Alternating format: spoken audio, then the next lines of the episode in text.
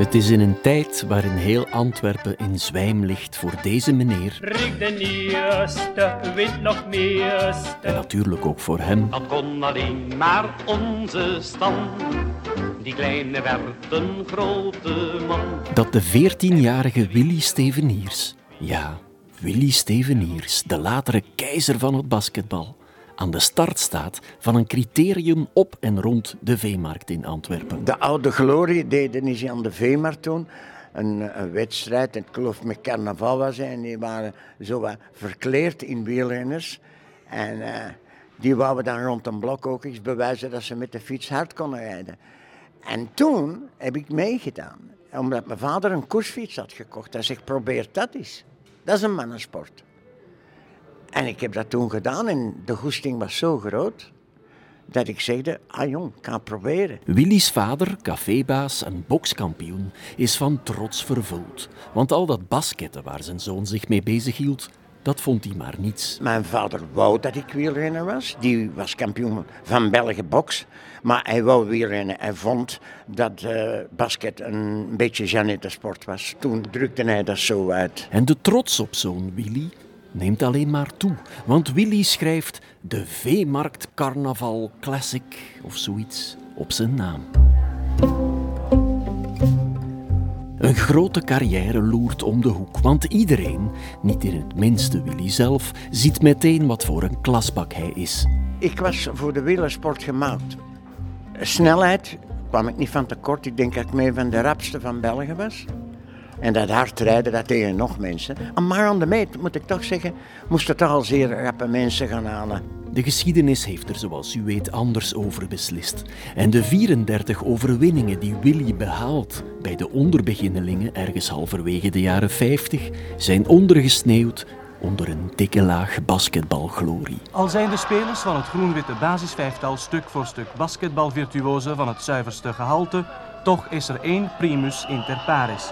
Willy Steveniers ongetwijfeld de beste basketbalspeler van het jaar. Willy Steveniers is nu 83. Zijn krullen zijn nog altijd even zwart als toen, zijn tong nog even rad. Zeg maar wanneer ik kan beginnen. Ik heb met hem afgesproken in zijn taverne De Nachtegaal, die hij al meer dan 50 jaar uitbaat. Aan de ingang hangen tientallen actiefoto's van Willy, dribbelend, dunkend, alleehoepend, maar nergens met een fiets. Het hangt hier in je restaurant vol met oude foto's van jou. Geen Eh, een van de eh, nee, hè? Nee. Ja, de, Ook bij je thuis niet? nee, ik heb een foto geloof ik. En dat was met mijn vader na de koers dat ik gewonnen had. Maar, maar dat, echt, ik, ik, ik, zou, ik zou een leugenaar zijn. Ik ben daar echt niet fier op. Ik, ik zeg altijd, ik heb tien sporten graag gedaan en goed gedaan. Maar ik zou nooit zeggen, ik ben een weer, echte wielrenner geweest. Nee, dat mag ik niet zeggen, ook niet. Ik mag me niet vergelijken met een wielrenner. Ik heb met de fiets ja, wat sneller gereden somtijds. Nochtans zag Willy het grootst toen, na die onverwachte zege op de veemarkt. Het eerste wou ik eens mijn eigen meten. Ik ging naar, toen in het Sportpaleis. Dan was ik een jaar of 14, denk ik, 14, 15. En ik ging naar het Sportpaleis om te weten te komen hoe snel dat ik was. Want daar trainden allemaal, Erik van Steenbergen bijvoorbeeld, hè, dat was toen in mijn grote vedette ook.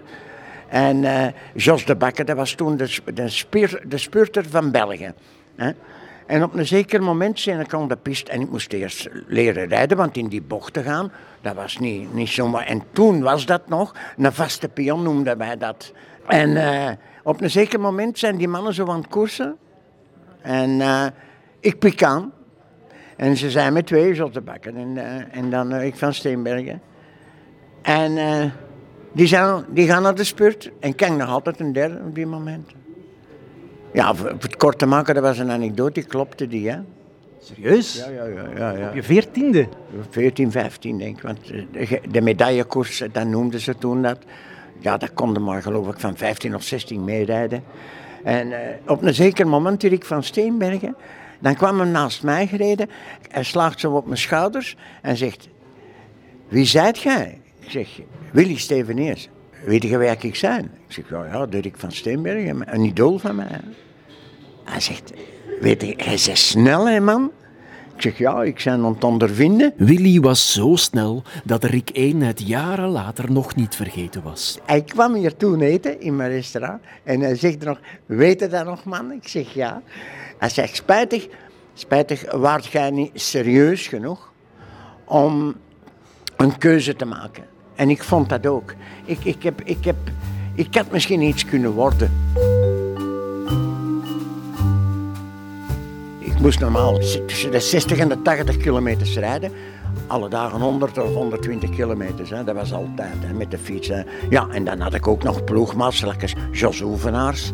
Hè, uh, van Loveren, die waren zo, dat waren de kermiskoersen, daar ging ik altijd aan meerijden. Hè. Ik ging ook met, met Rick van Steenbergen soms eens mee, mee een tour doen in Essen en zo.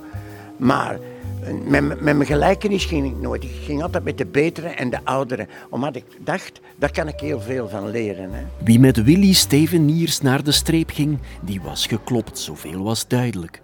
Maar tijdens een Belgisch kampioenschap bij de onderbeginnelingen in Wasme botst hij op zijn grenzen. Ik kreeg het kampioenschap van België. En we zaten ja, vooruit met vier man. Er waren nog vijf kilometers te rijden. En dat was in Wasmul. En ik vergeet nooit, ik zei normaal was ik de rapste, ik kon kampioen van België. Als ik erbij was, nog de laatste vijf, zes kilometer, dan had ik gemakkelijk de spurt kunnen winnen. En dan heb ik voor de eerste keer geconfronteerd geweest. Nu spreken ze van bergen. En dat was voor mij een viaduct. Ja, en ik moet eerlijk zijn, ik ben niet aangekomen. ik had al direct begrepen dat dat niks voor mij was. Bovendien blijft Willy ook basketballen, tot afgrijzen van zijn vader. Ik heb wel ondervonden dat dat niet ging. S morgens om kwart na elf basket spelen. En dan smiddags om drie uur een koers doen. Dat was uh, niet gepast. Ik was een van de beste in het wielersport op die moment. Uh, van de onderbeginlingen. En ik voelde wel iedere keer dat ik basket tot dat de krampen zo wat. Zeker de laatste 10 kilometer. En dat was dan 60 of 65 kilometers maar. Dat was niks in zichzelf. Maar hij begint stilaan ook te beseffen dat wat Rick van Steenbergen hem jaren later zou zeggen. Hij zegt spijtig, waart jij niet serieus genoeg? Wel degelijk klopt. Ik weer gemakkelijker, hè? Ik weer ja, nogal lui dan. Dat wil zeggen, voor de wielersport moest je zoveel doen voor een koersje te kunnen winnen. En in de basket kon ik gemakkelijk 30, 40 punten maken en de beste zijn. En dan nog eens een slechte dag hebben. Hè. Als je in, een slechte dag hebt in de koers, ja, dan, dan, dan kom je niet aan. Hè. Verstaan En dan vernoemen ze je niet meer. En, maar dat heb je wel, voordelen. Ik was het veerste dat ik een koers zou winnen. Vierde dan ik 40 punten maakte. Maar het was veel gemakkelijker om 40 punten te maken en beroemd te worden dan in de wielersport. En dat gaf de doorslag? Dat gaf de doorslag. En dan moet ik wel eerlijk zeggen, dat was omdat ik de, mijn herkomst kwam van de veemarkt. En er was zoveel er was zoveel te doen en mijn ouders hadden een, eh, een, een café. En er was zoveel te doen dat ik ook mijn rust niet had, dat ik ook de opleiding niet had. En het was gemakkelijker om te beslissen, ik zal het je zo zeggen. Maar moest ik bijvoorbeeld in de buitenwijken zijn geboren geweest, ja, dan was het wielrennen. Hè. Dat moet niet Echt? Ja, ja, ja.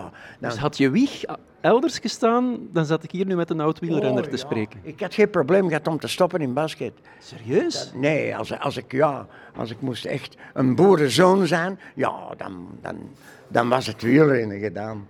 Ah, ja, ja, ja, ja, ja, ja. Dat is het liefste wat ik ooit gedaan heb.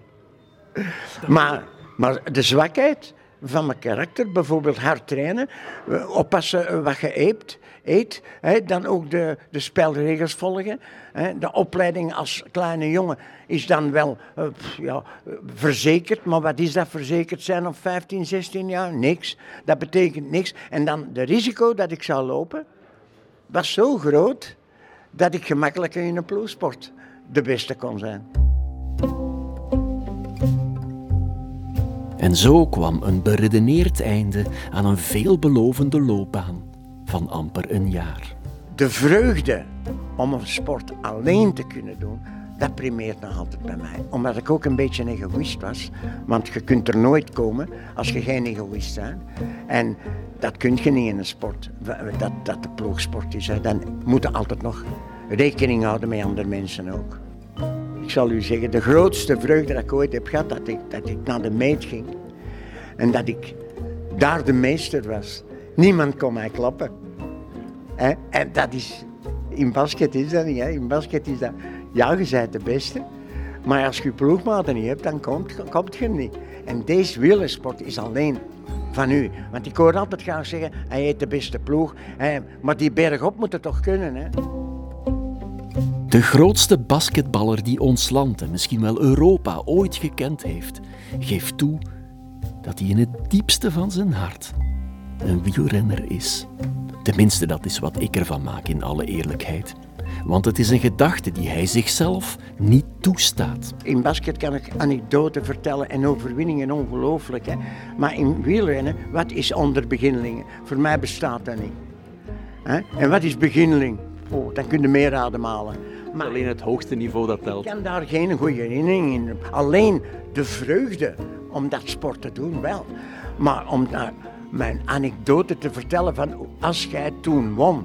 Nee, nee echt eerlijk zijn, eerlijk. Ik vond dat allemaal normaal.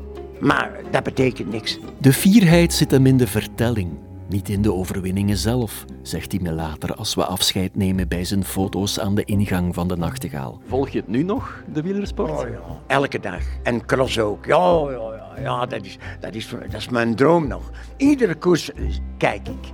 Voor mij is het wielrennen eerst. En dan voetballen.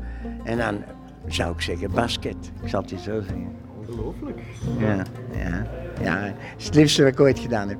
Als ik de koers zie rijden, dan, dan, dan ben ik nog altijd mee in de koers. Ja, ik zeg nog altijd, ja, nu kan ik ze kloppen of niet. Nu moet ik klassen. ja, ja.